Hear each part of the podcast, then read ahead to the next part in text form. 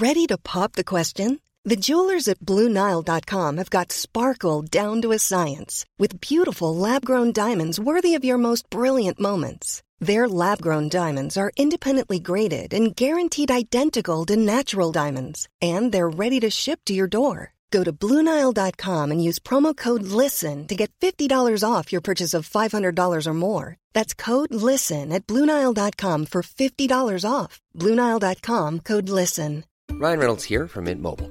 With the price of just about everything going up during inflation, we thought we'd bring our prices down. So to help us, we brought in a reverse auctioneer, which is apparently a thing. Mint Mobile unlimited premium wireless. Ready to get 30, 30, bit to get 30, bit to get 20, 20, 20, bit to get 20, 20, bit to get 15, 15, 15, 15 just 15 bucks a month. So, Give it a try at mintmobile.com slash switch. $45 upfront for three months plus taxes and fees. Promo rate for new customers for limited time. Unlimited more than 40 gigabytes per month. Slows. Full terms at mintmobile.com. Many of us have those stubborn pounds that seem impossible to lose, no matter how good we eat or how hard we work out. My solution is PlushCare. PlushCare is a leading telehealth provider with doctors who are there for you day and night to partner with you in your weight loss journey. They can prescribe FDA-approved weight loss medications like Wagovi and Zepbound for those who qualify. Plus, they accept most insurance plans. To get started, visit plushcare.com slash weight loss. That's plushcare.com slash weight loss. Veckans sponsor är Telia. Hos Telia samlar man mobil, bredband, IT-support, mobilväxel, allt som gör företagande enkelt. Och det är just det här att samla allt på ett ställe, att ha någon att vända sig till när det inte fungerar, det är Telia. Ett exempel på vad som inte är Telia, det är ju som när jag lyckas boka förmötet för en poddinspelning med Finansinspektionen till efter själva inspelningstillfället. Eller när jag här, här året var liksom, fick för mig att jag skulle börja springa, så jag är liksom ute och springer taggad, träffar en kompis som säger så du Jan, på måndag ska jag springa ett lopp. Och jag känner så här, ja men det låter inspirerande, så jag käkar pasta, jag byter om, tar mig ner till Malmö stadion för att göra en efteranmälan, står där i kön och sen så när jag liksom anmäler mig så tittar de på mig och säger så här, du Jan, vårhuset är bara till för kvinnor. Och eh, det var, det var typisk en situation som inte är Telia. Oavsett, ett stort tack till Telia som sponsrar, gör Rika Tillsammans möjligt, men framför allt tack till dig som lyssnar, följer och eh, hänger med oss varje vecka. Ombalansering är jätteviktigt för det hjälper oss att nå våra mål och att förhindra den här glidningen i risk i portföljen. Du lyssnar på Rika Tillsammans-podden som handlar om allt som är roligt med privatekonomi i den här podden får du varje vecka ta del av konkreta tips, råd, verktyg och inspiration för att ta ditt sparande och din privatekonomi till nästa nivå på ett enkelt sätt. Vi som gör den här podden heter Jan och Caroline Bolmesson. Idag är det dags för avsnitt 83 och idag kan man säga egentligen att det är ett dubbelavsnitt som kommer handla om ombalansering. Liksom varför det är viktigt och hur det funkar och när man ska göra det och hur det liksom att det här att man återgår till den ursprungliga tillgångsfördelningen. Men det kommer också handla om eh, våra portföljer, det vill säga nybörjarportföljen och globala barnportföljen och hur själva ombalansering i dem och de nya fonderna som vi kommer ha då för 2019. Och jag, jag tänker att eh, om vi tittar på då stolparna för dagens eh, avsnitt så handlar det om då att varför ska man ombalansera? Eller det som ibland kallas för rebalansering eller rebalancing på, på engelska. Och eh, det, sen är det också då, när ska man göra det? Mm. Eh, nu, liksom vi tycker att början på året är ett bra tillfälle, men det finns andra tillfällen. Lite så här olika sätt hur man kan göra det och rent konkreta exempel på hur man gör det liksom i praktiken med räkne, ja, det är jättebra. räkneexempel. Mm. Mm. Tips från dig. Att vi Men även ta... hur man gör det när man liksom ska göra det praktiskt ja. på datorn. Ja, mm. precis. Och eh, sen så kommer vi också då prata om tre olika varianter av då till exempel nybörjarportföljen. En för liksom om man sparar lite pengar, en om, liksom, om man har liksom normalt med pengar och en tredje avancerad version som är om man har mycket pengar eller kan spara kanske flera tusen i månaden. Precis. Så att det är liksom lite varianter av eh, samma, samma sak. Och sen helt enkelt då ombalansering av nybörjarportföljen, globala barnportföljen och eh, Rika Tillsammans. Och jag tänker att vi gör precis som vanligt. Vi tar den exekutiva sammanfattningen. Ja, precis. Och det är ju för dig som, som bara hinner lyssna en liten stund och som vill ha det liksom, göttiga. det göttiga. Ja, precis. Precis. Mm. Liksom som lite som man gör så här vetenskapliga studier. Jag läser ju bara abstract liksom. Vad du bara skrattar åt Ja, mig. men när jag forskade så hände det att jag också bara läste abstractet. Så bara, jag har läst artikeln nu. Ja, ja, precis. Right. Eh, Men abstractet då? Jo, eh, så det handlar ju om helt enkelt att en portfölj, eh, alltså ett sparande som har många olika tillgångar, den kommer liksom glida över tid. Låter lite diffust. Jo, Vad men- betyder det? Jo, nej, men det handlar ju om till exempel att eh, om man då har eh, aktier Mm. och eh, räntor, som är de vanligaste två tillgångslagen I i, ett, i sitt sparande, i sin portfölj, ja, så är det ju så att aktier går upp mycket mer över tid. De ökar i värde snabbare och liksom de rör sig mer, alltså volatiliteten är högre. Och det betyder att om du har något som liksom breder ut sig liksom mycket, så kommer det liksom tränga undan den här andelen räntefonder. Så till exempel om du har då 60-40 från början, 60 procent aktier och 40 procent räntefonder, så efter ett par år så kommer plötsligt det vara 80 procent aktier och 20 För procent... de har gått upp i värde och tagit har- över portföljens utrymme. Liksom. Ja, precis. Så, och, och de Så det är menar, det du menar med att det det glider? glider, det glider från 60 procent till 62 procent till 66 till 67 och plötsligt så har du en annan portfölj Än än den som man- du bestämde dig för från början av Ja. olika skäl. Ja, Ja. precis. Och ofta skälet handlar ju ofta om, liksom, som vi pratade i avsnitt 47, där med fyra hinkar-principen. Att jag vill ju ha en lågriskportfölj, eller jag vill ha en mellanriskportfölj. Och eh, har, så här, har du aktier i en portfölj, så tillräckligt länge utan att du ombalanserar, så blir det en högriskportfölj. Hur, hur du än Vi gör. kommer se det sen, Ja. eller hur? Ja, precis. Så att en ombalansering handlar helt enkelt om en omstart till den ursprungliga fördelningen man hade när man började spara eller när man bestämde sig för den eh, liksom portföljen. Och varför det är viktigt är ju för att eh, över 80 procent eh, av tillgångsfördelningen i en portfölj ges av huruvida du har valt eh, aktier eller räntor. Och här när jag pratar aktier, då pratar vi, vi pratar alltid aktieindexfonder. Alltså att man Ja. köper alla aktierna, inte bara liksom en enskild, utan all, liksom en, en stor fond med alla Som aktier. i en indexfond. Precis, jag kan säga faktiskt att häromdagen när jag förberedde Riket Sammans-workshopen, eh, så hittade jag en ny studie från Vanguard som sa att 88 procent av eh, avkastningen och risken portfölj står tillgångslaget för. Så det är ännu mer än de där 80 procent som, som vi brukar säga. Men eh, det, var, det var en parentes. Viktigt att säga så här, ombalansering ökar inte avkastningen. Nej. Tvärtom, ombalansering sänker ofta, eh, liksom den sänker risken och det sänker avkastningen i, i 99 fall av 100. Så att detta är inte en trick, så, oh, du vet, nu har jag ombalanserat och jag kommer få högre avkastning. Nej, man behöver inte sluta lyssna nu bara för det. Nej, nej, Nej. tvärtom. tvärtom. Detta är liksom all, alla strategier, som fondrobotarna, allting. Man har alltid ombalansering. Ombalansering Mm. är jätte, jätteviktigt. Sen också eh, lite en sammanfattning här. Ombalansering blir inte bättre för att man gör det ofta. Vi kommer att titta på en studie. man behöver inte göra det en gång i veckan. Nej, tvärtom avråder man. Ja, Mm. tvärtom avråder man. En gång, en gång om året är ganska lagom, eller när det har rört sig utanför ett staket. Att man liksom säger, app, app, app, app, app, nu håller det på att bli en högriskportfölj. Eller app, Ja, okej, app, så man har satt upp så. Det får inte gå upp mer än 5 procent. utanför sin fördelning. Att om jag Utanför har, sin fördelning. så att om jag har till exempel eh, 50-50 eh, mellan aktier och räntor, blir det plötsligt då 55-45, ja då är det app, app, app, app, tillbaka till 50-50. Eh, måste det- man hålla koll då? Ja, man får, måste hålla koll. Men då är frågan också, hur ofta behöver man hålla koll? Ja, hur ofta då? Ja, eh, då är det, alltså så här, studier visar att två gånger om året räcker.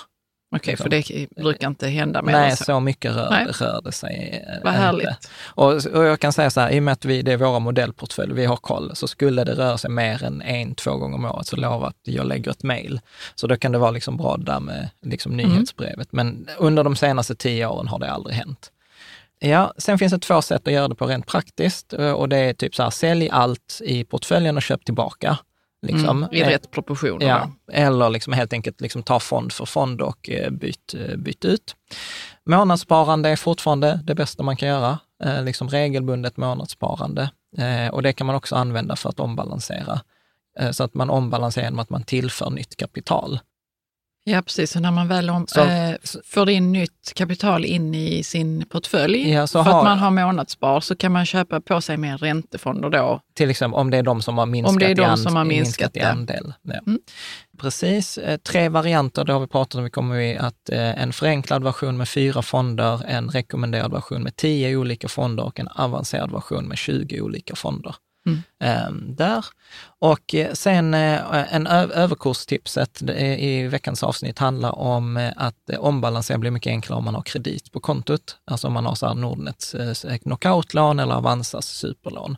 Och det är ofta så här gratis, så att det kan man liksom skaffa. Det, det är Ja, bra att ha Vad det. spännande med det, för, jag, jag, för mig är det inte intuitivt varför det skulle vara bra. Liksom. Ja. Nej, Men, eh, vi tar det sen. Vi tar det sen och Mm. jag har faktiskt fått flera önskemål från andra läsare också att vi ska göra ett avsnitt på just belåning och hävstång. Mm, det, det, det är lite så här, jag, jag tycker att man ska ha möjligheten, sen tycker jag inte alltid man ska utnyttja den och särskilt nu tror jag att det Avanza har att om man lånar under 10 procent eh, på sitt totala sparande och eh, man eh, köper vissa sådana här lågriskpapper, ja då får man, kan man låna pengar gratis. Liksom, Mhm. vilket, eller om det bara var ett temporärt erbjudande de hade. Eh, apropå sen eh, Avanzas sista tipset som egentligen hänger ihop med förra veckans avsnitt med bästa fonderna är att vissa börshandlade fonder som handlades på den tyska marknaden går inte längre att eh, köpa. Så till exempel Okej. Rika Tillsammans-portföljen är jättesvår att göra nu med på Avanza. Eh, så att då behöver man flytta till Nordnet Mm. eh, då, helt enkelt. Så att det skulle jag säga är punkt för den eh, exekutiva sammanfattningen. Mm. Och eh, så tänker jag att vi, vi kör igång Ja. med liksom då fördjupningen i, i, i avsnittet. Och eh, innan vi kör igång med det så skulle jag säga att detta är ett typiskt sånt här titta in på bloggen avsnitt. Mm, eh, därför att, Nej, men för att det kommer vara mycket tabeller eh, och mycket liksom, listor. Och, måste man titta på dem då? Eller eh, vad Nej, är... nej, men jag tänker att om jag ska sitta och läsa upp eh, 20 fonder för, glo- eller 30 fonder för globala barnportföljen och 30 fonder för nybörjare, alltså du vet, det blir rabblande av liksom massa fonder och olika fördelningar. Då tänker jag att det, det går snabbare att titta in på, då, på bloggen, rikatillsammans.se ombalansering streck, alltså minus 2019. Eh, och då är allting där, för att det är inte så himla roligt att sitta och lyssna på en tabell som läser så. Ja men du vet, med vår bok, Nej. min och Charlies bok, den här Gör ditt barn rikt, du vet den spelas inte in på ljudbok för att redaktören sa så här, ni har för mycket tabeller och bilder och grafer. Eh, och det blev för tråkigt att lyssna på. Och då var så här, han har nog inte lyssnat på vår podd liksom. men, eh, Ja. men det går. Nej, men visst, Eh, det man finns kan- en poäng i det. Ja, man kan, man kan i och för sig också titta på YouTube. Alltså vi har, Ja. liksom, där kan man pausa helt enkelt och titta För vi visar ju upp de här tabellerna och graferna Ja, också. Ja, om, man om man lyssnar på detta eller tittar på det Exakt. på Youtube. Exakt. Men du som lyssnar ska ändå få fullt värde såklart. Så att vi, vi bara kör.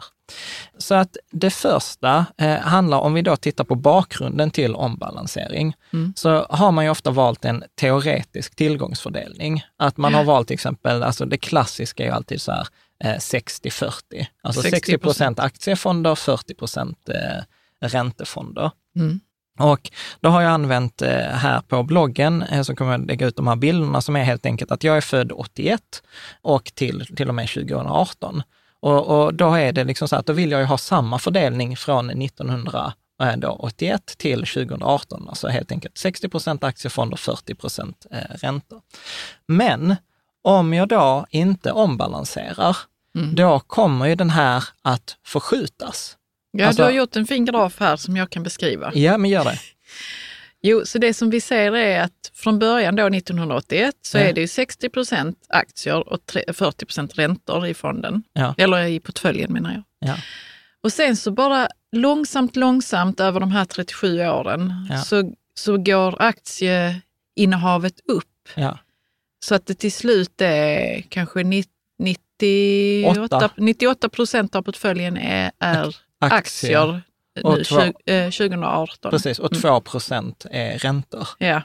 Eh, och, då, och, då är, och, det visar ju på den här just glidningen. Den här glidningen Som man inte i, hade gjort någonting åt det på 37 år. Ja, Precis. ut så här. så hade det liksom från, från början var det en 60-40-portfölj, i slutet är det typ 98-2 eller en 100-0, i Mm. princip en 100-0. Och då kan man vara ganska säker på att risken är ju helt annorlunda idag än vad den var när jag startade Precis. helt enkelt. Mm. Så, så vad man vill är ju att man vill ju göra en, till exempel man börjar nu i januari med 60-40, sen låter man det glida under året Mm. eh, och sen första januari nästa år igen, ja då ombalanserar man igen. Ja, Och, eh, och, och då får man liksom mer ett, eh, liksom jag har illustrerat det med typ mer ett, liksom ett sågtands eh, liksom mönster, där jag helt enkelt faktiskt tog riktiga siffror. Så, Ja. så att det, på, på bloggen så har jag då räknat på eh, här då Stockholmsbörsen som för aktiedelen och eh, svenska statsskuldväxlar, så ett kort, en kort räntefond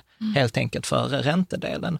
Och då ser vi liksom den här ganska tydliga, liksom hur, hur den håller sig runt det här liksom mm, den håller inte sig 60-40. perfekt på, på 60-40-strecket, Nej, men för det går runt inte. kring. Men, Alltså, ru- men runt det, precis. Och, och, och fördelen med detta blir ju att då köper, när aktier har ökat mycket i värde så säljs de av och så köper man räntefonder. När aktierna minskar i värde, då säljer man av räntefonder och köper aktier. Mm, så så att- man köper, du menar att man köper när det är billigt och säljer när det är dyrt? Exakt. Och det Så lå- som det är tänkt. Så som det är tänkt, precis. Ja. För att vi har ju tagit upp det i hur många avsnitt som helst. Att, eh, då, Att vi då, gör oftast inte så. Nej, den genomsnittliga spararen gör, liksom, eh, köper dyrt och säljer billigt. För man Mm. köper aktier när det, när det är populärt, när det står i tidningarna och sen när, när, det, När har det känns gått- bra, liksom. När det känns bra. Och sen när börsen känns misärig, blodet flyter på gatorna. Då är det så här, aktier, äh, fy tusan, det vill jag Sälja inte. allt och då har det sjunkit Ja. oftast. Ja, Mm. precis. Så att det är ett sätt att liksom bli tvingad att eh, liksom göra det på, på rätt sätt. Och Jag gillar ju jättemycket Jonas Lindmark. Han är ju Mm. Vem är nu det? Han är krönikör på Morningstar. Mm. Eh, Är han ekonom eller? Du, det vet jag inte. Jag har faktiskt Nej, träffat honom. Han är samma. jättetrevlig. Jag ska försöka nu att under 2019 bjuda in honom till, eh, Mm. till podden för att eh, han skriver extremt läsvärda eh, krönikor. Och han i en krönika om just ombalansering, han kallar det dock för rebalansering. Jag vet inte om det är liksom, det känns, eh, de, ombalansering borde det vara. Rebalancing på engelska. Men han skrev så här, att flytta pengar från de fonder som gått bäst, rebalansering, är ibland nödvändigt för att hindra ett omedvetet risktagande, det här att aktierna ökar. Och det ger chans att köpa billigt, Mm. helt enkelt. Så att eh, det, det är Ja, liksom... det är ett stort plus med Det- ombalanseringen. Exakt. Mm. Så att eh, om vi liksom sammanfattar då syftet, syftet med att ombalansera, det är då alltså att minska risken i förhållande till tillgångsfördelningen.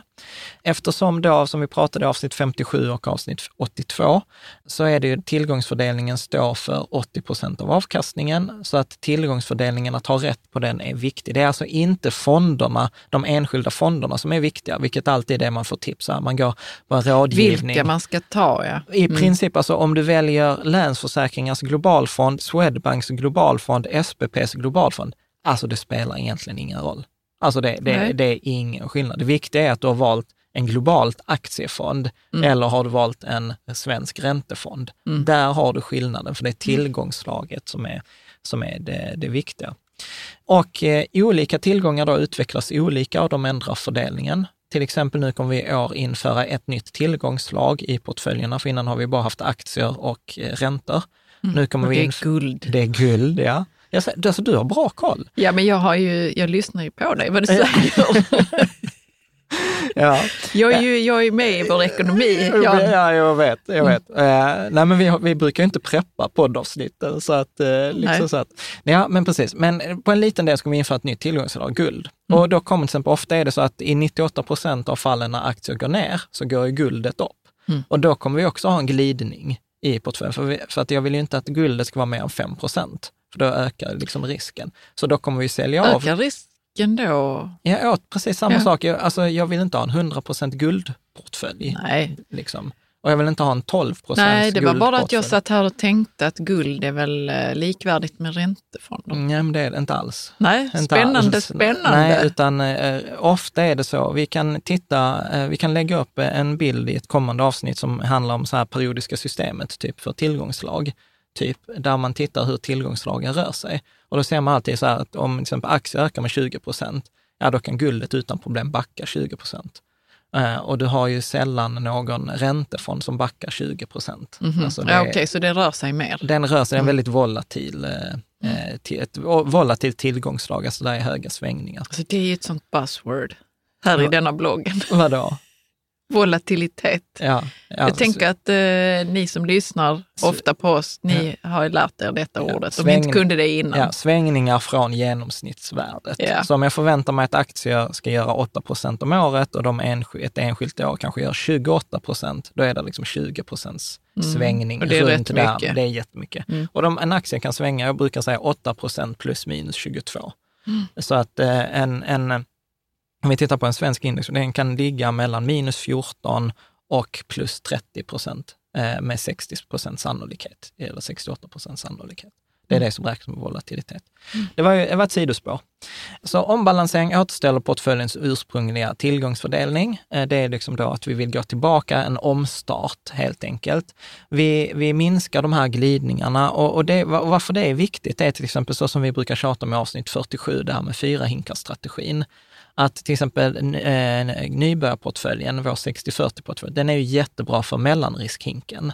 Ja, alltså man kan väl säga så att de fyra hinkarna representerar hela ens ekonomi. Ja, precis. Ja. Buffert, precis. Så det är inte bara pengarna man sparar, utan Allt, allt, hela ekonomin, liksom. Mm. precis. Buffert. Den enda, eh, så här, om jag, jag fick en fråga på det på bloggen och där ska jag faktiskt vara helt ärlig, att, att huset räknar jag faktiskt nej, utanför.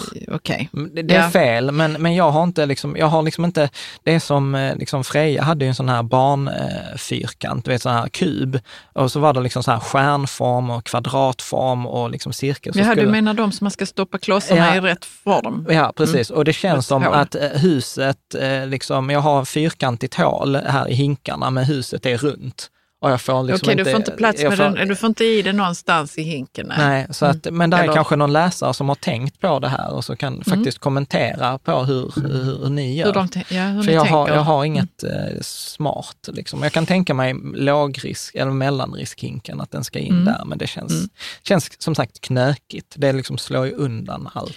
Men du säger att det minskar glidningar i risk av eh, Ja, precis. Så i alla fall, till exempel i fyra hinkar. Precis, så till exempel om jag har då till exempel en, eh, ny- då det typiskt nybörjarportföljen i mellanriskhinken så vill jag inte att den om tio år plötsligt ligger i högrisk, eh, liksom i passiva hinken. Nej, Och så har jag liksom en, en buffert och en passiv hink, men jag har ingen mellanriskhink för att, nej. för att portföljen i mellanriskhinken blev plötsligt en högrisk eh, liksom, hink.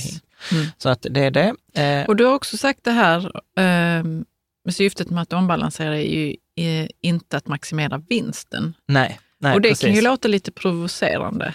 Nej, men alltså, För att och- och- oftast tänker vi att vi vill det. Eller Ja. det är liksom... Ja, men jag skulle säga så här, med tanke på att jag nu har liksom förberett workshopen, den här Mm. heldagsutbildningen som jag ska hålla mycket, och där har jag mycket funderat på där, för att det, det handlar mycket om att göra en egen investeringsplan. Och då inser jag så här, nej, de flesta av oss jagar så här, när vi säger så här, så vad är målet med ditt sparande? Ja, Jag vill ha så hög avkastning som möjligt. För vi- Tjäna pengar, så mycket Ja, pengar som möjligt. För att vi inte har ett annat mål. Mm. Alltså till exempel nu, när, alltså, nej men jag tänker så bara här, nu ett sidospår här. Vad skulle kunna vara ett annat mål? För vi tänker ju att när det Ja, handlar om låt- pengar så vill vi väl ha så mycket som möjligt. De flesta tänker så. Exakt, men jag skulle säga till exempel, om jag, om jag tar ett exempel då från, från eh, då workshopen som jag kommer att använda, då är det att jag sätter till exempel pension. Okej, så vårt mål är, eller mitt mål i alla fall, jag har inte delat med mig av det, är att jag vill ha att vi ska kunna ha samma liv innan vi går i pension som idag. Mm. Och då, då kan man säga så här, vilket mål vill du ha med ditt pensionssparande? Om jag då säger så, ja, men så högt som möjligt. Men om jag istället räknar, jag vill kunna ha samma liv idag som när jag går i pension, då kan jag räkna ut det i förväg. Så hur mycket pengar behöver jag ha för att ha en lön på till exempel 30 000 i månaden? Och då kan jag räkna ut, ja men det är kanske så här 7 miljoner kronor. Och då kan jag plötsligt titta, hur mycket har jag sparat i min pension idag? Jag behöver 7 miljoner kronor. Då har jag liksom ett nuläge, då till exempel en miljon idag, 7 miljoner om 20, år, när går jag i pension? 27 år. Mm. Och okej, så en miljon ska växa till 7 miljoner på 27 år. Vilken avkastning behöver jag då? Och då kan jag räkna fram att det är 6 procent. Och kan jag då räkna att det är då till exempel 6 procent och ett månadsspar på 5 000 kronor, ja då behöver jag liksom inte ta en överdrivet stor risk. Nej, utan, precis. utan då och kan jag, riskerar att bli av med Och pengar riskera- som du har mödosamt Exakt. sparat och fått lite avkastning på. Exakt. Mm. Så jag brukar säga så att, att när man hör någon, när man frågar sig vad är målet med ditt sparande, och man, får- man får höra så, här, så hög avkastning som möjligt, så skulle jag liksom säga att då är det 50 procents chans. eh, Att liksom, det är ogenomtänkt, att, att, eller? att man inte har ett mål. Att man inte har ett mål. Ah, Och att man inte har, en, eller inte ett mål, det kanske man har, men man har inte en investeringsstrategi. Man har inte en investeringsplan då färdig. Och, och det är då jag tänker just att ombalansering handlar ju väldigt tydligt att jag har en plan, att men denna portföljen ska ligga i mellanriskhinken. Det är inte en passiv hinkportfölj, det är definitivt inte en aktiv lekhink Nej. heller. Nej, men detta är jättespännande, för, för ett 6% avkastning som du säger, Ja. Det Det, är ju- under vad börsen gör i genomsnitt. vad skönt. Ja. Och, Och, det kan skönt att- ändå växa till mycket pengar på Exakt. de här Precis, åren. och då kan man säga så här, bra, jag behöver liksom, eller om jag tar våra barn som exempel. Vi har ju sagt som mål i boken då, Gör ditt barn rikt, så, så skrev vi liksom så här att en lämplig summa till en 18-åring, eh, liksom för en bra start i livet, är liksom 250 000. Det var Mm. det som var liksom genomsnitt när vi intervjuade folk, pratade med barnpsykologer, sparekonomer, Så experter. det var inte två miljoner, det var 250 000. Det ska räcka Mm. till en del av kontantinsatsen, inte hela kontantinsatsen. Till en lägenhet, till exempel. Det ska räcka för att ta liksom, körkort om man ens behöver det om tio år. Och det ska räcka liksom, för att göra den här omställningen, flytta hemifrån och köpa kastruller och, och, och, liksom, Ja, eh, precis. eh, och liksom göra den här omställningen till ett jobb eller ett egen ekonomi. Mm. Varför kan- ska det inte räcka till mer? Nej, för att man vill ju inte göra barnen en björntjänst. Nej. Och, och då kan man också plötsligt vara så här, när man då räknar på detta, så här, nej, att spara barnbidraget blir för mycket. Mm. Och då kan man plötsligt säga så här, men då sparar jag 400 kronor eller 300 kronor. Mm. Eh, och, och, och det räcker. Och då kan jag använda de andra till något sparande, till exempel så här, men låt oss göra, åka på resor eller låt oss göra... Ja, och jag tänker när barn eh, blir tonåringar så vill de gärna kunna röra sig lite med egna pengar. Visst, Ja. att man har sommarjobb och så, Ja. men kanske ändå Ja. lite Ja. kan de få av sitt barnbidrag. Absolut. Och man känner inte så, gud, vi skulle kunna spara dem. Nej, nej. Nej. men precis. Och man slipper det här dåliga samvetet. Så Mm. att, eh, ja, det var ett Ja, långt sidospår om investeringsplan och barnsparande. Vi, det, vi får göra ett avsnitt bara om barnsparande. Vi har faktiskt, jag inser att vi faktiskt inte har gjort, eh, gjort det. Nej, okej. Bra, så det är inte en strategi för att maximera vinsten. Eh, man säljer dyrt och köper billigt, som Mm. vi var inne på, vilket kan vara ointuitivt att man säljer det som går bra. Ja. Men det är ju liksom att hämta hem lite vinsten. Mm. Och liksom att vara supertydlig med att ombalansering kommer alltid vara ett sänke över lång tid. Och det kommer vara ett stort sänke.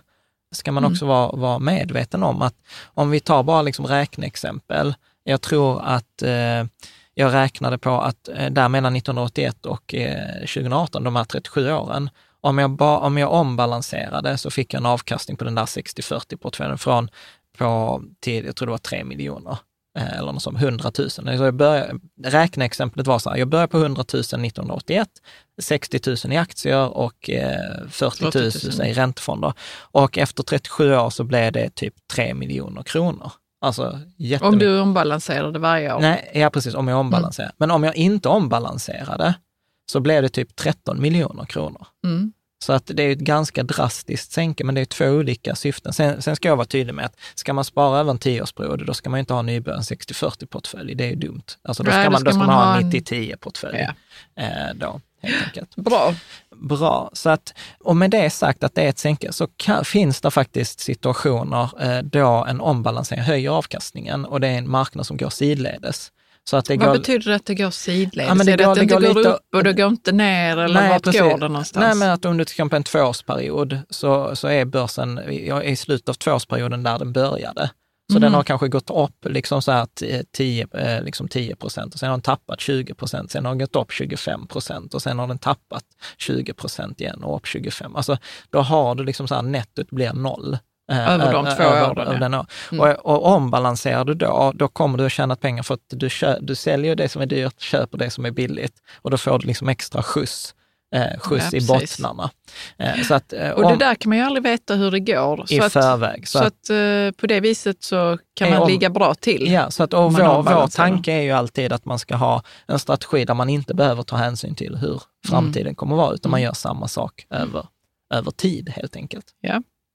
Men jag tänker att vi tar nästa är ju när man ska ombalansera. Mm. Och då är det vanligaste att man gör det med en viss regelbundenhet. Till exempel månadsvis eller halvårsvis eller årsvis. Jag personligen gillar ju det här när man knyter det till, till något som, som man redan gör, till exempel så här, nyår. Jag gör, vi gör ju ofta bokslut, så här, liksom, hur har det gått och vad har varit bäst under 2018 och, och så vidare. Och sen så kan jag tycka också att midsommar är också sånt bra till, för det är halvår, då har det gått mm. halva året. Eh, så att det liksom lämpar sig också för, eh, för en uppföljning. Man kan göra det eh, då också baserat på ett intervall, alltså till exempel som vi pratade om innan, det här staketet, att när det har rört sig eh, liksom med 5 procent är ju ofta, ja. Mm. Man kan ta, egentligen ta vilket eh, intervall man vill. Nu råkade jag säga 5 procent för det är det studier visar är bäst. Ja. Liksom, men det kan ju vara 10 procent eller 1 procent eh, också. Eller så gör man en kombination av de här två. Mm. Men man kan liksom ändå inte göra det för ofta. Eh, för att man har ju vissa begränsningar. Eh, till exempel då om man handlar, jag ombalanserar med aktier, för det tycker jag också man ska göra. Nu, nu kör vi ju bara fonder, men skillnaden är same same. Och det handlar om att du betalar courtage, alltså en köp och säljavgift. Eh, och sen har du också spreadar mellan köp och säljkurs. Så det är ju aldrig så att liksom, om man tittar, de som säljer vill ju alltid ha mer betalt och de som köper vill ju alltid köpa lite billigare. Ja. Och då måste man liksom matcha de här två, två priserna. Vissa fonder kan ha köp eller säljavgifter. Det har ingen av våra fonder köp eller säljavgifter, men det, det, kan man ha. Mm. Det kan ju vara så att om man inte har ett ISK eller ett kapitalförsäkring så kan man betala skatt eh, mm. vid de här transaktionerna. Och sen naturligtvis att det tar tid det tar ju tid och energi att, eh, att göra. Alltså man måste vara väldigt dedikerad. Ja. man ska ombalansera ja. varje månad. Ja. Eh, vi kommer att prata lite kort om fondrobotar sen. Fondrobotarna tror jag, uh, Lysa här nu, nu, nu, nu kommer säkert Lysa hänga mig här om jag säger fel, men jag, minst, jag tror att de ombalanserar en gång i veckan och, och ett tre, att det måste ha rört sig mer än 3 procent.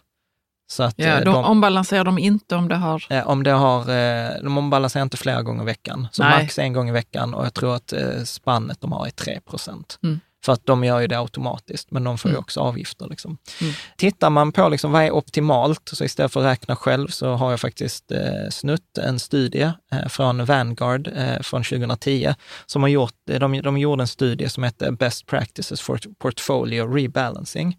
Och där har jag inte bara läst abstractet, utan jag har läst hela. Jag, jag tycker men du det... gillar Vanguard, vad är det med eh... Ja, men varför, varför favoriserar du Vanguard för att, och deras studier? För, som jag undrar så är det Gör de inte de här studierna för att visa att de själva är bra? Jo, så är det såklart. Ja. Nej, men jag gillar Vanguard för att, för det första så är studierna lättlästa. Mm. Att det är ofta så bara tio sidor och liksom man fattar vad de skriver, de är snygga, liksom layoutade och sånt. Eh, och sen så har de faktiskt eh, samma investeringsstrategi som vi. Eh, att de säger så här, det som är viktigast eh, för dig själv i en investeringsplan på lång sikt är låga avgifter, breda indexfonder, tillgångsfördelning, ombalansering, eh, försök inte tajma marknaden, månads, regelbundet månadssparande. Ja, men allt, mm. allt, allt det, det som vi också Så tycker. allt det vi pratar om eh, har de ju liksom studier. Så det är klart att eh, är, man en, eh, är man med i aktiespararna och man daytradar så kommer man ju tycka att Vanguard är det största skitet eh, som finns, liksom, för de har ju inte rätt i något. Liksom. Nej, men vad säger den här studien? Jo, men då, då säger eh, studien att eh, det är ingen skillnad i den riskjusterade avkastningen oavsett om man balanserar per månad, kvartal eller år. Så du får ingen bonus för att du gör det per kvartal eller per Nej. månad eh, eller per vecka. Tvärtom konstaterar de att det är dyrt med frekventa ombalanseringar och i sammanfattningen så har jag gjort en egen översättning här från engelska, där, som lyder typ så här, att vår slutsats är att en ombalanseringsstrategi där man ombalanserar en till två gånger om året och låter tillgångsfördelningen röra sig inom ett spann om 5 procent ger eh, med stor sannolikhet en tillräcklig riskhantering i förhållande till tillgångsfördelningen för de allra flesta portföljer och sparare. Mm. Och det är ju liksom det vi säger så här, liksom, ombalansera en gång om året, kolla den vid, vid midsommar. Har den rört sig mer än eh, de här 5 procenten vid midsommar, då gör man det också. Och sen låter man det liksom vara. Ja, helt enkelt. Men du, eh, om vi går vidare nu då till hur man gör när Ja. man ombalanserar. Eh, Då kan man göra det på två sätt. Eh, Det enklaste, det enklaste sättet skulle jag säga är ju att... Sälj allt. Ja, men- Clean slate. Ja, men precis. Man säljer, in, man säljer av allt. Man sätter eventuellt in mer pengar eh, om, man, om man ska göra det. Det är ett bra tillfälle att göra det samtidigt. Och sen så köper man liksom allt. Och det, för den som är nybörjare så är det det enklaste och det bästa sättet. Det tar ett par dagar från att man har sålt alla fonder tills man har alla pengarna på kontot. Men Sen man, kan man börja om och, och sen, köpa börjar det man, som man... och sen börjar man om med, med köpa allt och sen gör man månadssparandet också när man är klar med, med ombalanseringen. Och ta, liksom, om vi skulle ta en steg för steg-instruktion så är det så här att man loggar in på sitt Avanza Nordnet, man säljer alla befintliga fonder, man väntar ett par dagar tills man bara har eh, kontanter. Jag har skrivit kontakter i, i min slide, men kontanter ska det vara. Ja. Och sen så för man över nya pengar då parallellt eh, så att man får in Alltså det. det som man har sparat menar du? Ja, man har eller? sparat till exempel, man har gått plus eller man fick en bonus i julas eller Ja. man har lite pengar över. Eh, liksom, kanske, man brukar säga att januari är den fattigaste månaden, men man, ja, jag skulle ändå rekommendera att Ja. kan man öka sitt sparande så är det bra tillfälle. Sen räknar man ut den procentuella total andelssumman för varje fond. Jag kommer att ta exempel. Ja, så, att, så att om jag har 10 000 kronor och jag ska ha 10 procent, ja då blir det en tusenlapp. Liksom, eh, då. Sen gör man helt enkelt så att man söker upp, både Avanza och Nordnet har ju sökfält där man då går in och så skriver eh, då till exempel den här fonden, Länsförsäkringar Global Indexnära och sen så liksom trycker man på, på köp. Och sen när, när man köpt alla sina engångsköp, så man köpt upp den här summan man har, ja då ställer man sen in det för sitt månads, eh, månadssparande. Men hur då? eh, För jag tänker så här, man månadssparar. Låt oss säga att man månadssparar tusen spänn i månaden. Exakt. Och så kommer de in pengarna, för man har autogiro från sin bank till Ja. Avanza eller Nordnet. Ja, ja, precis. Så kommer de in där, men då lägger de sig... Ja, precis. Och då ställer du in att, att när mina nya pengar hämtas Ja. via autogiro, ja då vill jag ha samma fördelning som Ja, efter ja, man kan ställa in det. Ja, och Mm. det är därför vi har de här tre varianterna. För, för det handlar mycket om månadssparandet. Att Mm. må- Månadssparar man 400, då är den förenklade versionen bäst. Månadssparar man 1000, ja då tar man rekommenderat. Sparar man mer än 2000, då tar man den avancerade eh, Ja, ja, versionen. perfekt. Mm. Och, då stämmer. och eh, de flesta fonderna har ju valt att man ska kunna månadsspara 100 spänn. Så man börjar på 100, 100 kronor. Om vi tar ett räkneexempel, eh, så säger jag så här att jag har eh, 10 000 kronor i min depå när jag har sålt allting och jag har eh, fått in mina nya pengar. Och om vi då tittar till exempel att i, eh, i den förenklade då, versionen av, eh, jag tror att det är nybörjarportföljen, då ska vi köpa den här Länsförsäkringen, då ska den ha en vikt på 40 procent, alltså en andel i portföljen efter ombalanseringen. Och då tittar jag då, 40 procent eh, då på 10 000 kronor, det är 4 000 kronor. Och då ska jag alltså köpa den här fonden för 4 000 kronor. Sen tittar jag på nästa fond, okej, det är då till exempel eh, SEB Sverige Index, den ska ha 10 procent vikt. Ja, 10 procent av 10 000, alltså inte det jag har kvar, utan totalen. Ja, Och- totalen. Ja, och då blir det 1000 kronor. Ja, då har jag plötsligt köpt för 50 procent, det vill säga 5 000 och sen ska jag fördela resten av eh, då fonderna. ja. Det andra sättet som man kan göra det på, det är genom att man byter fonder. Det är lite, lite mer avancerat, men det handlar ju helt enkelt, det är till för den som har ombalanserat innan, kanske gjort det en, två gånger.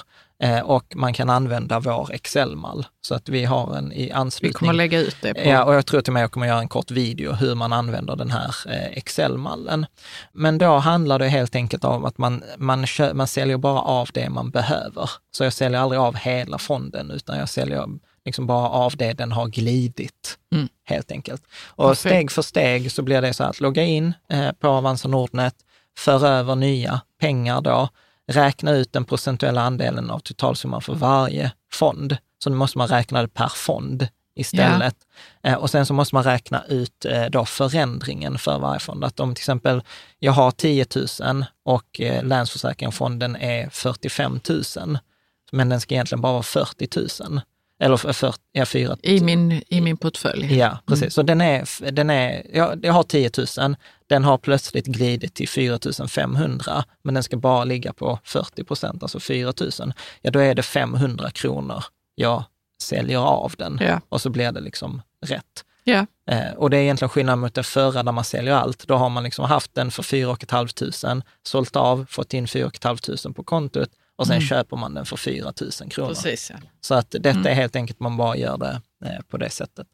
Eh, man börjar med att sälja av liksom allt det och sen så köper man tillbaka när man fått in pengarna. Och det är här jag menar att överkurstipset är om man har en kredit. För då kan man sälja av och köpa samtidigt och använda krediten och sen när pengarna eh, liksom kommer in på kontot tre dagar senare så betalar de tillbaka på krediten.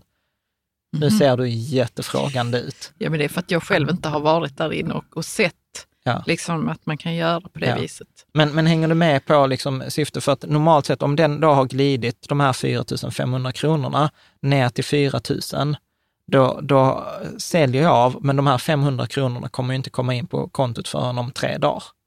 Men om jag då har 500 kronor kredit, då kan jag redan köpa den kommande fonden för de 500 kronorna. Mm. Och sen så när pengarna kommer tillbaka så betalar jag av det här lånet. Ja. Nu var det mer tydligt. Ja, ibland så. Ja, och sen så liksom samma sak där med, eh, med månads... Man ska komma ihåg månadssparandet. Ja, precis. Men allt detta kommer, jag kommer göra en specifik video där vi går igenom räkneexempel och eh, Excel-filen. Så att då kan man liksom gå, gå in på, på bloggen och, eh, eller på Youtube och se den här, eh, hur man gör den här, de här ändringarna. För det går, det går lite snabbare, då, kan, då blir man klar på en kväll. Liksom. Ja. Bra.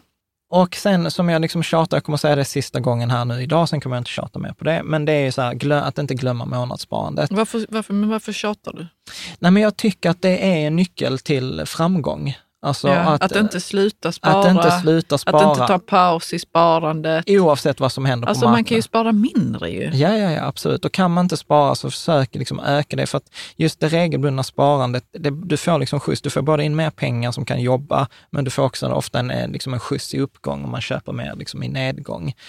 Man kan göra det från 100 kronor och eh, sen skulle jag säga så här att om man inte kan månadsspara i alla fonderna, liksom för att pengarna inte räcker till, då ska jag säga spar, prioritera aktiefonden med högst andel. Så om jag bara kan spara i en fond, så prioritera aktiefonden med högst andel. Därefter prioritera räntefonden med högst andel efter ombalanseringen och sen dela upp eh, liksom procentuellt på det som är kvar. Och sen kan man ju liksom göra den här ombalanseringen. eh, Ja, och du liksom. säger det också att man kan ju att man kan ta hjälp av eh, Nordnet eller Avanzas kundtjänst. Absolut. Och dit har jag ringt några gånger, Ja. med betoning på några, Ja. inte många. Ja, Men de har alltid varit väldigt hjälpsamma och trevliga och, och liksom, man lägger på och sen måste man ringa upp igen för vad var det nu du sa? Liksom. ja Mm. precis. Nej men, nej, men så, är, så är det ju verkligen. Men vår strategi för ombalansering, det är ju att kolla portföljerna två gånger om året. Alltså en gång vid midsommar och en gång eh, vid nyår. Och sen ombalanserar vi om för, vid midsommar om ombalanseringen, eh, om det har rört sig utanför det här staketet, att det har glidit mer än 5 Och det har typ under de senaste åren har det aldrig, aldrig hänt. Nej. Utan däremot så ombalanserar vi alltid i januari vid den här eh, tiden och det är ett bra tillfälle liksom att följa upp och se hur det har gått. Det är ju därför vi alltid publicerar den här så har portföljen gått under året. I år fick vi ta med in den på förra sidan årsskiftet, så det tyckte jag var lite skoj. Och sen så handlar det om att vi kan jämföra de befintliga fonderna vi har mot den här bästa fonderna-artikeln som vi också alltid släpper i början varje år. Den senaste nu är avsnitt 82. Och sen så kan vi byta ut eh, det också mot bättre fonder.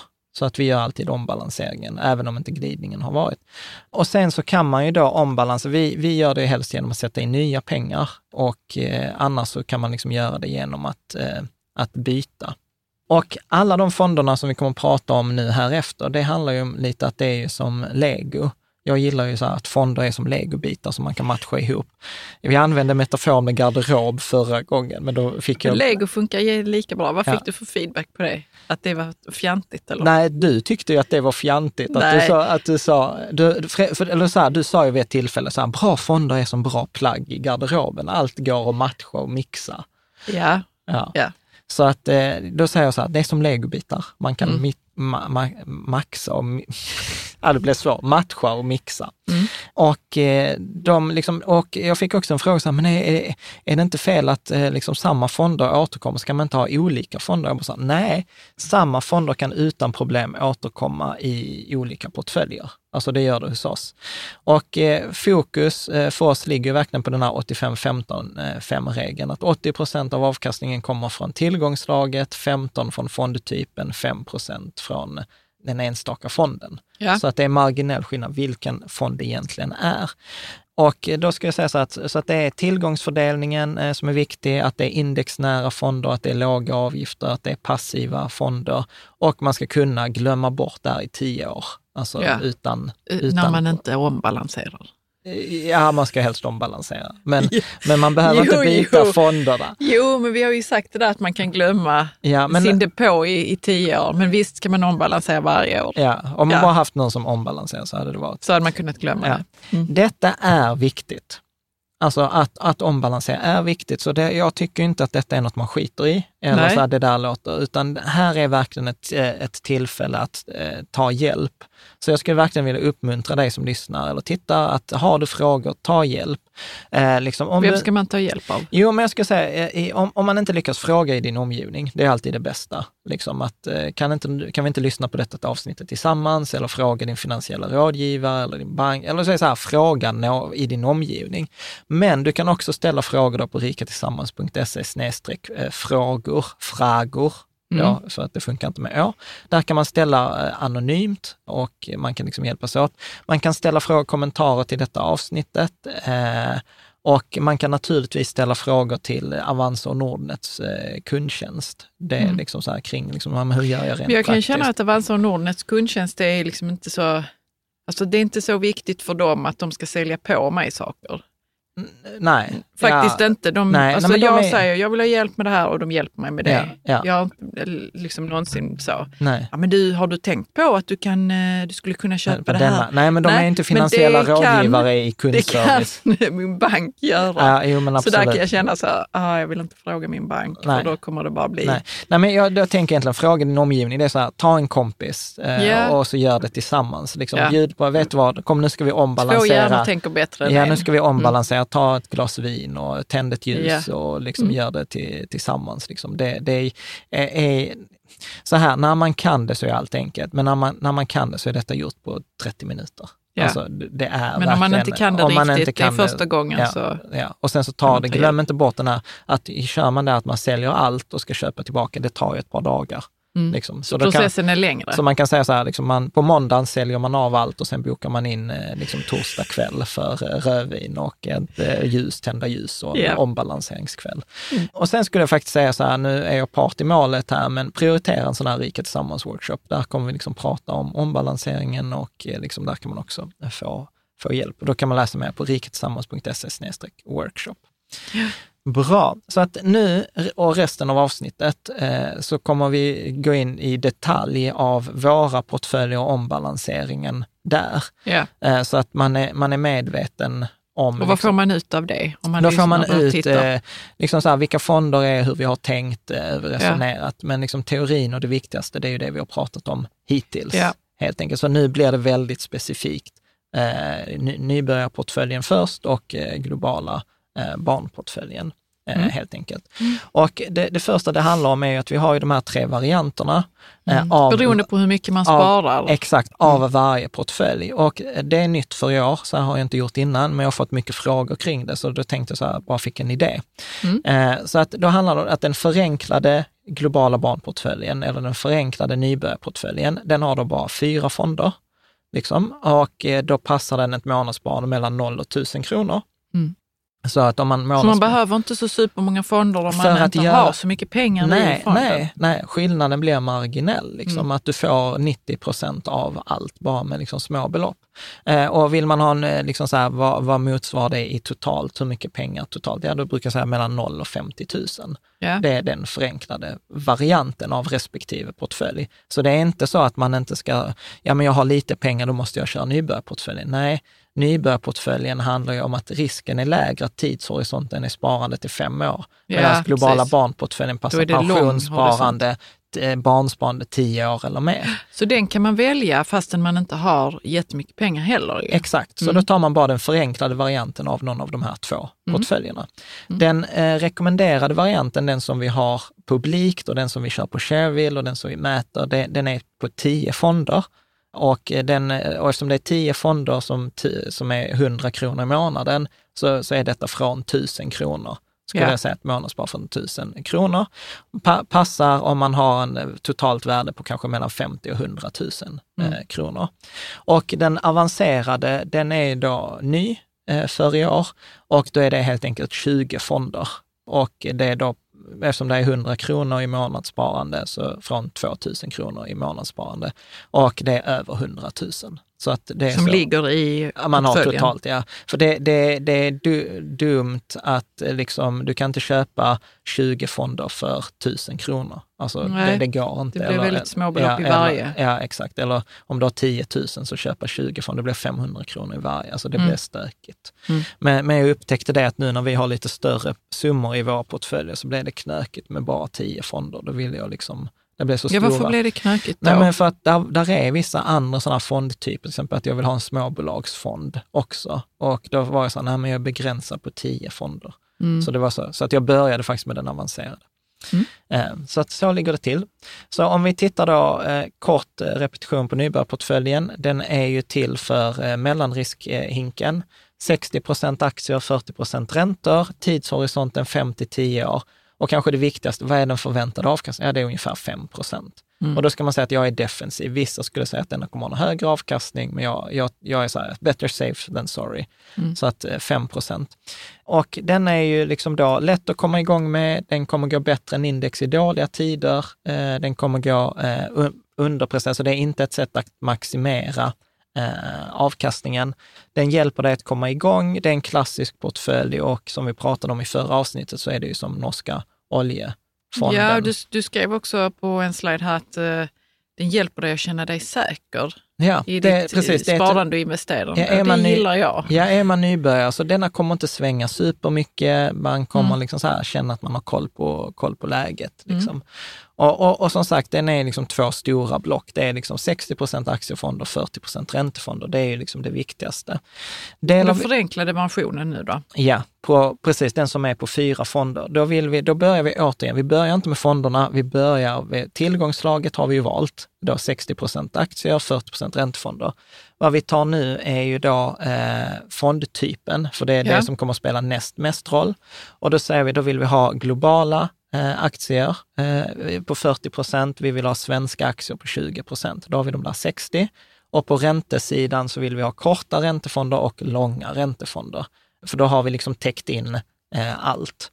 Och då tittar vi på förändringen då från 2018 till 2019, så är det i princip alla fonderna är samma. Alltså den här spil, Länsförsäkringar Global Index, när det, Det, är har inte bas. förändrats så mycket vilka, vilka fonder vi Nej. har tyckt var bäst. ju. Nej, det så att eh, den är samma, globala aktiefonden är samma, eh, Spiltan aktiefond investmentbolag är samma för Sverige. Eh, det är samma räntefond som är Spiltan räntefond Sverige.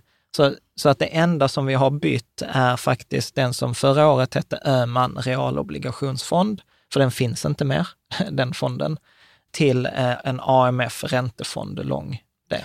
Men, det, men här kan man ju gå in på bloggen Ja. om man vill se den här listan. Men du, varför finns inte Öhman längre? Eh, Vet du det? Jo, men de slog ju ihop två fonder. De slog ihop den här realobligationsfonden med en annan och så blev den inte alls lika bra. Liksom. Så, att, Så då la de ner det? Eller Nej, de vad händer då med nej. pengarna? nej, nej, har? men den ligger ju kvar. Mm. Men, men denna, jag gillar denna lite, portföljen blir bättre med den här AMF-fonden, tänker jag. Mm. Så om vi tittar då på den slutgiltiga versionen för eh, den förenklade versionen av nybörjarportföljen, så är det då Länsförsäkringen Global Indexnära på då 45 procent, Spiltan Aktiefond, eh, då In- investmentbolag på 15 procent, eh, Spiltan Räntefond Sverige på 20 och AMF Räntefond Lång ny. Eh, räntefond Lång, den var ny, det var därför också 20 procent på den. Tittar vi på den rekommenderade eh, versionen så är ju den, då fick vi ha 10 fonder, Mm. så då är den mer eh, upp, Och rekommenderad betyder ju att man, det, det kan vara det är den som passar de flesta som lyssnar, skulle Ja. jag säga. Eh, och För då sätter man av kanske tusen, kronor. Den, kronor den, i det månaden. är ett månadssparande på tusen, precis. Den andra funkar för ett månadssparande från 200 kronor egentligen. ja, jättebra. Bra, så att eh, vad vi gör här är ju att då vi bryter ner den här globala delen i, i till, tillväxt med Asien och tillväxtmarknad också. Vi bryter ner, innan hade vi bara korta och långa räntefonder. Nu introducerar vi även eh, då aktivt, en aktivt förvaltad räntefond och en realräntefond.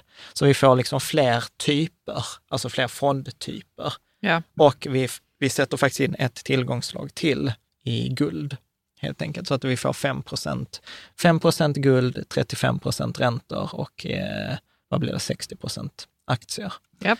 Tittar vi på förändringen då på aktiedelen. Eh, först så eh, skillnaden här är att vi tar bort den här SPP Aktiefond Global som vi hade eh, liksom innan. Och så flyttar vi den andelen till Länsförsäkringar, fonden. Och anledningen Okej. till att jag gör det, det är för att vi ska ha in en guldfond och jag får bara ha tio fonder.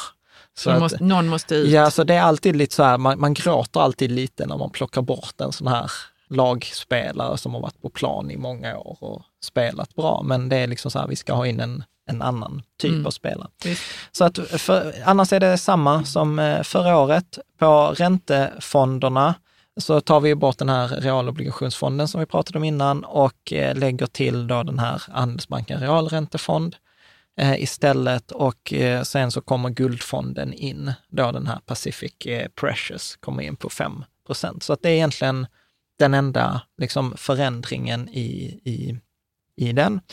Så tittar vi på då 2019 års slutgiltiga, eh, liksom hur det ser ut, då, är det verkligen så här, det här rekommenderar jag, gå in på bloggen för annars kommer jag sitta och läsa tio fonder nu och så om två Och minuter. de har rätt långa namn. Och de har rätt långa namn, liksom så, så här, plus småbolag Sverige, Spiltan Aktiefond Investment, Länsförsäkringar Tillväxtmarknad Ja, och så det blir som att man kommer inte, det är som att Man man, ser- hälsar på nya fonder och man kommer inte ens ihåg vad det förra hette. Alltså, ja, nej men precis. Så Det är bättre att man Mm. kollar på, på listan. Men som sagt, eh, förändringen här är att SPP Aktiefond åkte ut och vi satte in Pacific Precious och vi tog bort real, bytte ha- handels, eh, Öhman realobligationsfonden mot Handelsbanken realobligationsfond. Annars är det same same. Tittar man då liksom på den avancerade eh, portföljen så fanns det liksom i den här globala aktiedelen på 40 procent så fanns det ju liksom möjlighet till förbättring. Och då handlar det helt enkelt om att jag vill ha, dela upp, innan hade vi bara globala storbolag, men jag vill även ha globala småbolag, för det är ytterligare en annan liksom, eh, fondtyp.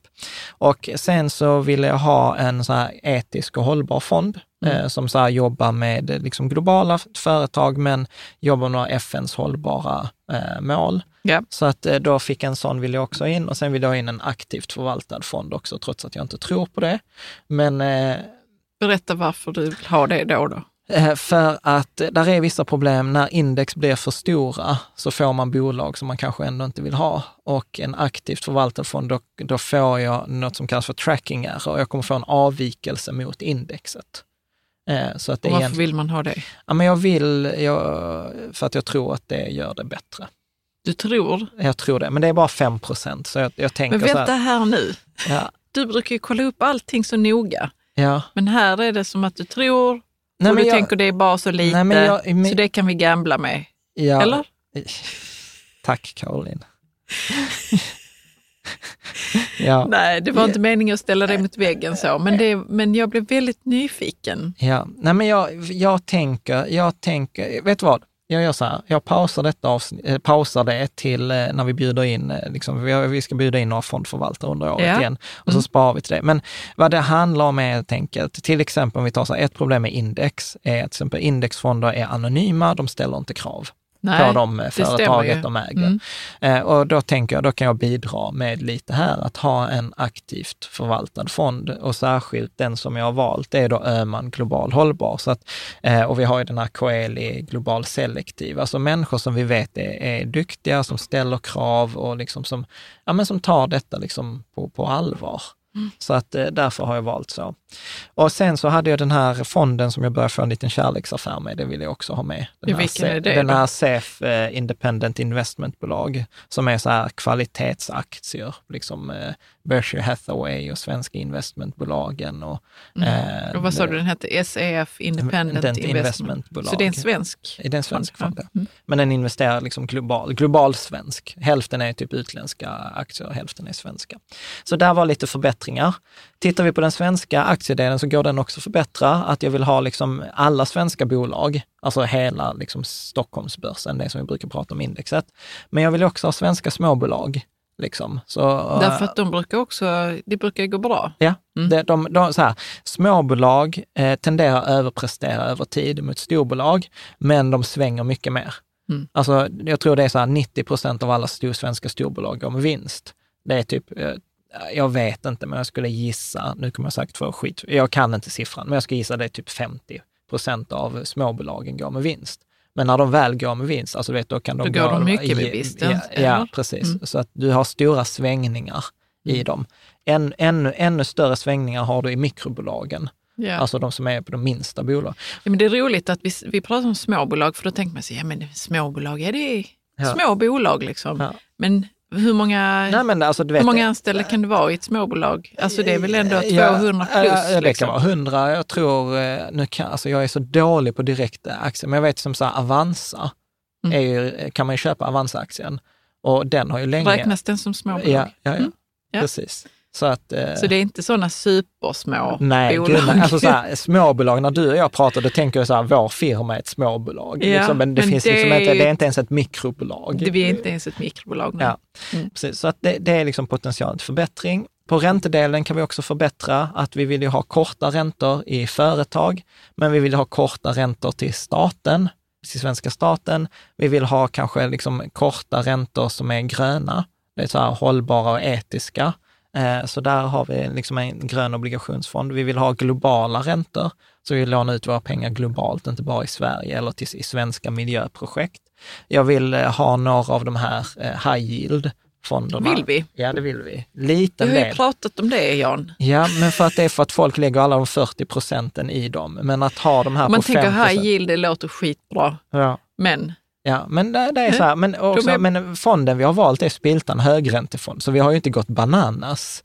Alltså det, detta nej, det är har liksom, vi inte gjort. Det är nej. liksom så här, eh, jag kommer inte på någon bra metafor, utan det är fortfarande väldigt safe eh, i, i förhållande till det som... eh, Det, det som liksom- finns där ja. ute. Ja, och sen så vill vi ha långa eh, företag, eh, liksom räntor. Så att här har vi då täckt in, i den avancerade, har vi tänkt in alla typer av räntefonder som Mm. finns. Och det är det som jag tycker är ganska nice.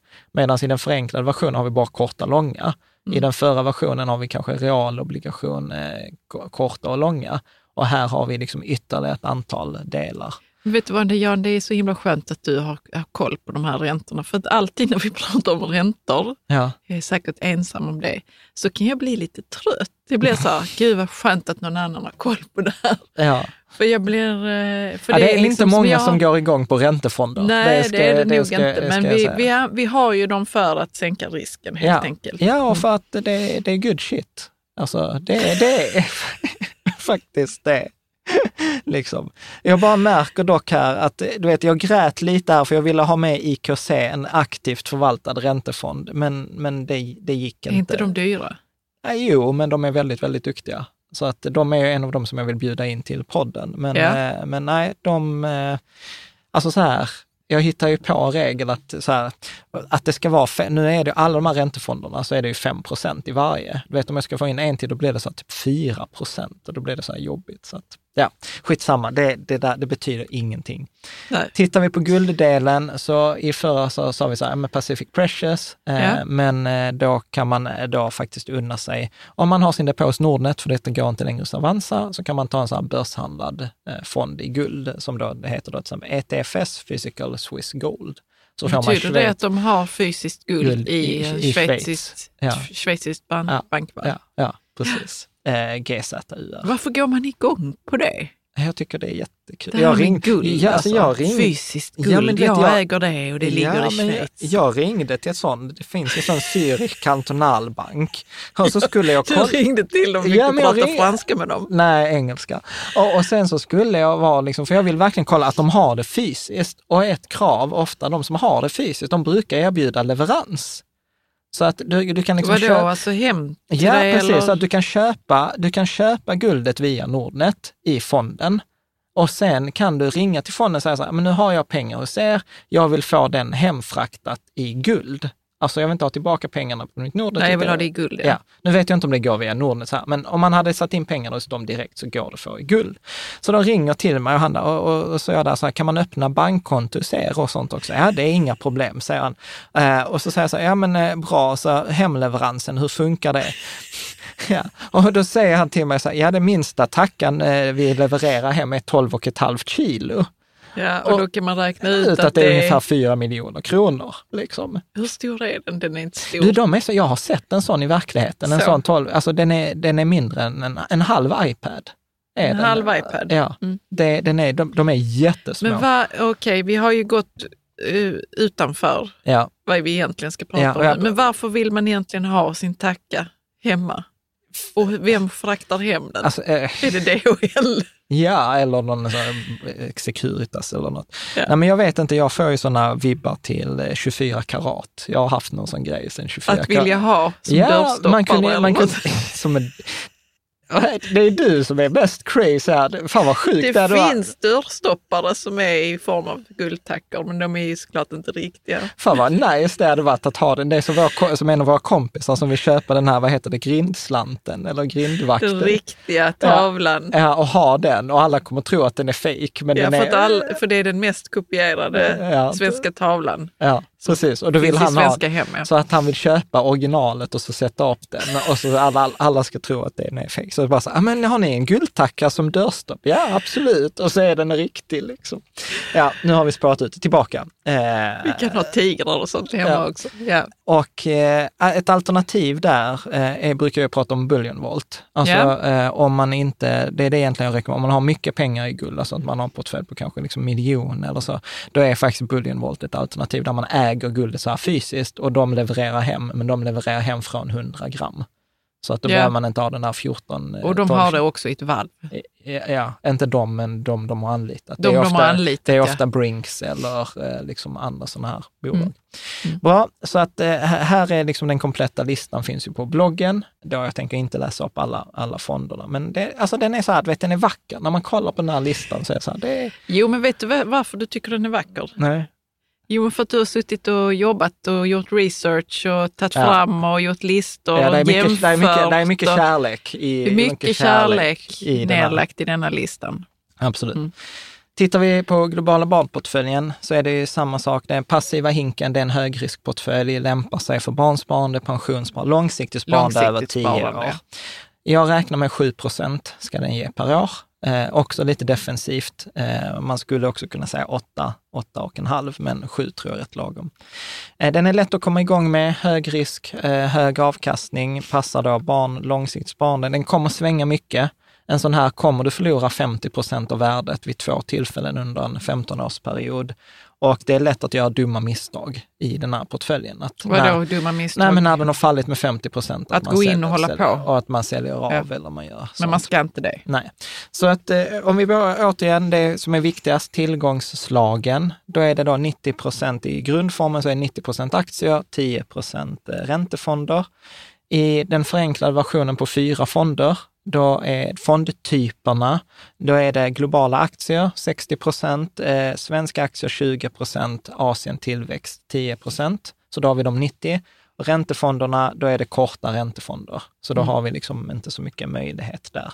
Nej. Om vi tittar eh, där, förändringarna från 2018, då är det faktiskt, jag grät lite, men vi tog bort eh, Spiltan Aktiefond Investmentbolag, som är en av Sveriges bästa fonder. Men Varför tog du bort den som Den- är en av Sveriges bästa fonder? För att jag får bara ha fyra fonder. Jo, men vad har du nu som är ännu bättre? SEB Sverige Index, eh, som Ja. är hela Sverige. Så Spiltan Aktiefond Investment var bara investmentbolagen, det är typ 20 bolag. Denna är typ 300 bolag. Så att det, Mm. Och det varför är det bättre då? För att då får vi hela svenska börsen. Eh, och det är det som vi alltid mäter mot. Mm. Så att det är förändringen. Så eh, listan finns, men det handlar om då Länsförsäkringar global indexnära på eh, 60 procent, SEB Sverige index på 20 procent, Swedbank Robur Access Asien på 10 procent och Spiltan Räntefond eh, på 10 procent. Så det är den Så vi har en förenklade. tillväxtmarknad där också. Eh, ja, precis. Nej, inte till Asien.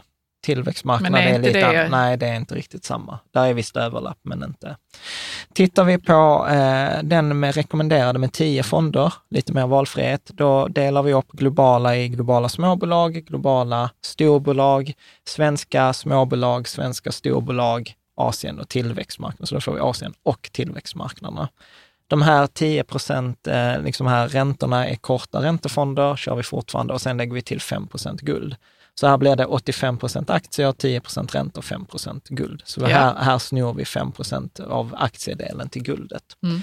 Och Vi behöver kanske inte säga allihop Nej, här, nej. utan då man kan, titta, bloggen. man kan titta på förändringen, eh, är då liksom, jag kan säga, jag kan säga förändringarna. Eller- Förändringarna sen förra året, Sen ja, förra- det som du har ja. tagit bort. Precis, och jag tog bort samma den här SPP-fonden eh, och sen la till den här kärleksfonden, SFA Independent Investmentbolag och sen lagt till en småbolagsfond eh, helt enkelt. Så att Ja. det, Men listan finns ju på listan bloggen. finns, Mm. precis. Eh, på samma sak här eh, på räntesidan, tagit bort realobligationsfonden från Öhman som var discontinued, eh, som du sa, och lagt till realräntefonden. Så att så här ser eh, listan ut, finns ju då på bloggen. Och eh, här, om vi tittar på den avancerade delen, så fanns här ju också eh, samma potential till förbättring. Så att då har jag delat upp det, eh, aktiedelen ännu mer, eh, det som var det globala. Sen har jag delat upp den svenska aktiedelen ytterligare mer i då, Alltså utökat. har utökat den. Så att Mm. den är fortfarande på 20 procent, men den är på, uppdelad på, på liksom fyra eh, eller på fem fonder. Mm. Helt enkelt. Och då är det då småbolag, mikrobolag, investmentbolag. Så här kommer den tillbaka. Så Spiltan. Spiltan aktie- Aktiefond Investmentbolag. Så den, den försvann eh, från eh, förenklade versionen men fick komma tillbaka i avancerade Mm. versionen. Räntedelen eh, gjorde jag också där, att jag liksom la till fler delar. Och eh, samma sak här på gulddelen, precis samma resonemang som på nybörjarportföljen, att lite i Pacific Precious, lite i den här börshandlade fonden. Mm. Då, och eh, så här, eh, listan finns ju då på bloggen med alla Mm. de här 20 fonderna. Men den är också, alltså så här, du vet, detta är, detta är vackert. Alltså så här, du vet, när man, när man tittar. eh, När man har samlat sitt... när man har samlat sig, det, liksom detta är ändå liksom så här, du vet, detta är spelarna som ska spela under året. Detta är de som ska göra, liksom de här tjänar pengar åt oss. Det är klart Ja. att man tycker om dem, behandlar dem kärlek, liksom kommer med liksom saft och kaka om det hade gått. Rika Tillsammans-portföljen, det sista vi ska ta, eh, är ju då en mellanrisk, lågriskportfölj. Eh, tidshorisonten är ju kort, alltså ett år, plus den ska ju gå plus varje år. Lägst förväntad avkastning på 3-3,5 procent. Det är en överkursportfölj helt enkelt. Vad Och menas med det? Överkursportfölj? att man köper, den är svår att sätta ihop. Den går till exempel inte längre att sätta ihop hos Avanza, den använder börshandlade fonder, eh, den handlar Vad är i det som har olika hänt med valutor. Avanza? Eh, Deras Det känns ju som att eh, vi går Ja. mer och mer över till Nordnet och, och deras lös... Alltså Ja, vad, vad de kan erbjuda. För att Precis, alltså vissa i- grejer går inte att, handla på Avanza längre. Ja, alltså precis. Egentligen spelar, alltså för oss spelar det ingen roll, vi har ju samarbete med båda. Ja. Eh, men när jag pratade, jag pratade med Avanzas kundtjänst och de sa så här, nej, våra jurister har gjort en omtolkning. Och sen pratade jag med, eh, med folk på Nordnet som jag känner och eh, de var så här, nej, vi har inte gjort den tolkningen, vi fortsätter ha dem, det låter konstigt att Avanza har kommit fram till det beslutet. ja, men de ska tycka olika. Ja, och, ska de. ja, och sen så sa, eh, och så, så spekulerade vi, snillen spekulerade där på telefon. Och det var så här, men tänk om Avanza bara så här, de får inte ihop det på sin plattform och då sa de så här, det går inte, det är förbjudet, få bort den liksom. Eh, För bort den. Ja, att det hade varit, det, det är enklare än att kanske göra compliance eller allt det där andra. Compliance. Ja, så att man eh, köper. Eh, så att det är mycket möjligt, vet, kommer Nordnet fram till samma slutsats, vilket de sa att nej, det ligger inte ens i vår pipeline, så ja, men då är det kört. Då kan vi inte ha Riket Sammansportföljen längre. Nej, så nej. att därför är det lite så här överkurs. men vi kör på till, Ja. tills det inte går. Precis, syftet är detta är lite som en hedgefond. Det ska Mm. alltid ge en positiv avkastning. Vi har lyckats med det alla åren. Är jag ganska säker på. Den bygger på permanentportföljen av Harry Brown. Jag såg att Avanza hade förresten en artikel om evighetsportföljen. Va, vad är det för någonting? Ja, men det är, är det. Harry Browns? Ja, perma- permanent portfolio. Men jag har varit i kontakt med eh, han som hade skrivit, jag vet ju inte om det var samma, jag hade kontakt med en annan av deras skribenter eh, förra året. Och de har ju gjort en variant, men grejen är att den, den funkar inte, den variant de har gjort, för de tar långa räntefonder svenska.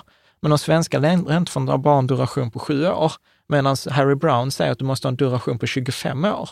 Och det är ju Ja, jättestor det är ju skillnad. Så att skillnad, ja. jag skulle säga så att du får inte ihop en, eh, en det, är därför det är en överkursportfölj, för du får inte ihop en svensk permanent eller en evighetsportfölj, en rika tillsammans-portfölj med svenska fonder. Nej. Alltså det, det går inte, så det bör man vara medveten om. Mm. Eh, höga kostnader är det och den kommer svänga väldigt lite, kommer underprestera medvetet mot aktier. Detta är en lågriskportfölj. Ibland så märker jag att läsarna ibland tänker så här, oh, du vet, sen ska jag, när jag har kört globala barnportföljen så ska jag uppgradera till rika tillsammans-portföljen. Och, och, Mm. det är jag- inte så det är tänkt. Det är inte så det är tänkt. Det är som att säga så här, när vet, jag vet jag har kört bil hela mitt liv, nu kommer jag uppgradera till en cykel. liksom, det är två helt olika saker. Liksom. Eh, det är olika eh, ja, olika, transportmedel om man säger så. Ja, Mm. eh, precis. Detta var vi inne på, att Avanza omtolkar de här Mifid 2-reglerna, så man kommer inte kunna eh, köra den i, i Sverige. Mm. Och eh, då att man, kör man sin rika tillsammans-portfölj, byt till Nordnet. Det är det man säger. Tittar vi på den så är det då 25 procent tillgångslagen, 25 procent korta räntefonder, 25 procent långa räntefonder. Och då pratar vi riktigt långa räntefonder, inte det som vi normalt i Sverige kallar för långa räntefonder. Utan det är 25-30 år Ja, det är då. dubbelt så långa, tre gånger så långa räntefonder som det vi kallar för lång räntefond. Ja. I det perspektivet, en amerikan hade ju inte kallat det vi i Sverige kallar för en lång räntefond för en lång räntefond. De Nej, för vi har det, så sju år. Ja, det är det som är långt för oss, men det, i ett globalt perspektiv är det liksom kort. Ja. Eh, för det finns ju exempel så här, eh, du kan i USA kan du ta ett lån på 30 år. Det kan du inte i Sverige. Liksom. Aktier 25 procent, guld 25 procent. Och eh, här har jag då liksom gjort... Eh, Vad är förändringen 2018 till 2019 i denna man får, portföljen? kolla, man får kolla på listan på för här blir det mycket Ja. läsande. Men helt enkelt så har jag kategoriserat det efter tillväxt, som är då aktier. Och då är det, man kommer känna igen typ globala barnportföljen, det är samma, samma del. I recessionsdelen, det vill säga det som är korta räntefonderna, att när, när allt går dåligt eh, så vill man ha kontanter och korta räntefonder. Så då är kommer man känna igen sig från de andra portföljerna. Men jag har lagt till eh, två stycken eh, globala, en eh, amerikansk eh, kort räntefond och en europeisk kort räntefond. Mm. Så att det är det som är skillnaden. Deflation, det är ju det som är det svåra, att när pengar ökar i värde så vill man ju ha lånat ut. Eh, liksom det är så här ekonomiskt klimat. Man Då vill titta- man ha lånat ut pengar. Man, ja, under lång, lång tid. lång tid. Så då vill man ha de här 25-30-åriga eh, obligationerna. Så där har jag då eh, valt de här utländska börshandlade fonderna. Ja. Till exempel då iShares Eurogov 15 till 30 år eller iShares Treasury Bond, som man lånar ut till amerikanska staten i 20, i 20 år. Eh, bara en parentes också, bara för att vi säger 20 år, det betyder inte att man inte får tillbaka sina pengar på 20 år. Du får Nej, tillbaka precis. dina pengar när du vill. Men finns, eh, bara en parentes här, finns det, vill, vi pratar mycket om den amerikanska marknaden. Ja, för den är störst. Den är störst. Ja. Överlägset störst. Men finns det eh, så den här typen av eh, ska man säga, räntefonder mot eh, marknader som inte är så stora Nej. än? Jag tänker Nej. då Kina Nej. eller... Nej, inte, inte, Inte än? Nej, jag skulle säga jättesvårt för oss att få tag på. Men Ja, om eh, kommer det komma? Kanske, ingen Ja. aning. Mm. Tittar vi på inflationsdelen, det vill säga gulddelen, då har jag delat upp det ännu mer. Alltså det som ska skydda mot inflation med både inflationsskyddade räntefonder och guld. Och sen har jag delat upp det. Och här återigen Bullion Vault som ett exempel. Vi har en Ja. sponsrad länk till det också. Så den slutgiltiga versionen, den är också, alltså den är alltså den är så symmetrisk och liksom så här, du vet, här är nästan så här 20 fonder Ja, på man, får titta, 5 man får titta in på bloggen för att se hur, hur Ja. symmetrisk den är. Ja, ja, det är jättefint. Så att om vi slutar här nu sista tre minuterna, så konkreta tips att göra till nästa, nästa liksom avsnitt eller att Ja. göra, det är liksom ombalansera portföljerna, uppdatera månadssparandet, ta hjälp, som vi pratade om innan, i kommentarsfältet eller i frågor och svar, kundtjänst eller liksom och så vidare. Överkurs, eh, tipset är skaffa då kredit till din eh, Avanza eller ditt Nordnet-konto till ditt ISK där. Och sen fira att du är klar med ombalanseringen för året. För nu har vi liksom gått igenom uppföljningen, bästa fonderna och ombalanseringen. Liksom that's it. Så att eh, jag hoppas att detta var ett lite extra långt eh, avsnitt, men jag hoppas att det var Viktigt avsnitt. Ett viktigt avsnitt. Mm. Prenumerera gärna då liksom antingen i poddspelaren eller här på Youtube. Eh, nyhetsbrevet är också riketsammans.se nyhetsbrev. Eh, vi har gjort comeback på sociala medier nu. Liksom jag har eh, haft paus för det har varit så sjukt mycket att göra och sen Mm. hade vi Elin som hjälpte oss under hösten, har ju liksom fått jobb liksom på, så Mm. att ja, det har varit lite, Så vi har stått ensamma vi har med stått detta. lite ensamma ja. Ja. Fika tillsammans, fikatillsammans.se snedstreck fika tillsammans eh, är då tips eh, under våren. Eh, Kommer vet det lite tillfällen i det olika kommer lite, städer och vet i vad, det är landet? fullt i Stockholm. Ja, Helt sjukt nu det första. Du vet, jag ringde till lokalen och bara, äh, du vet, jag trodde vi skulle bli 70, vi är 150. Och de där, 150, alltså, så här, vi tar inte in fler liksom. Så jag bara, "Åh, Nu är det fullt ja. nu är det fullt. Men det kommer fler tillfällen. Eh, Ja, då. men eh, under våren eller? Under våren, ja, Ja. precis. Mm. Rikatillsammans.se tillsammans. Och det kommer vara roliga gäster, dock inte samma gäster i alla orterna, utan det kommer vara olika Ja, man gäster får på de titta lite olika... på hemsidan. Ja, Mm. ja, precis. Så det kommer vara jättekul. Jag vill verkligen också tacka alla Våra som... patroner. Våra patroner. Mm. Du, jag fick en kommentar på förra avsnittet som var så här att patron på svenska och engelska tydligen är så här false friends. Det betyder inte samma sak. Eh, så en Eh. patron är något annat på svenska. Att det var typ som någon Ja, här eh, bruksgårdsägare eller något sånt. Medan det var typ Men det är mecenat. jättebra kommentarer. Vad ska Ja. vi säga istället? Jag vet inte, jag säger Våra patron. välgörare. Ja, så kan man säga. Mm. Som att man bjuder oss, som hjälper oss, eh, som bjuder oss på typ en kopp kaffe eller sponsrar, liksom stödjer oss. Mm. Som gör det enklare för oss att göra Ja. all den här researchen och våra avsnitt och så. Ja, men precis. Och särskilt de här osponsrade. Så att Ja. då kan man också gå på Patreon, patreon.com snedstreck rika tillsammans. Och Jag vet att det heter Patreon för jag fick det, du uttalar det som en kratta. Liksom. Men, men. Så att eh, ett Lycka fantastiskt till. stort tack för, Ja. denna, eh, för denna veckan. Lycka till. Till med ombalanseringen. Ja, Mm. och så ses vi förhoppningsvis nästa vecka.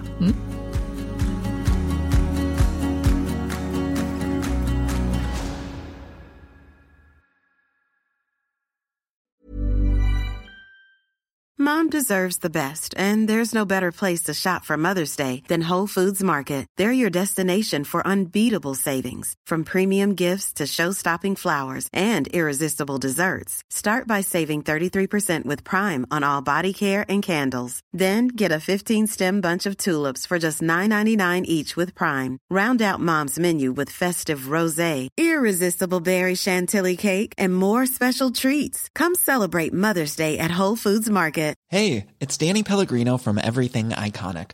Ready to upgrade your style game without blowing your budget? Check out Quince. They've got all the good stuff shirts and polos, activewear, and fine leather goods, all at 50 to 80% less than other high end brands.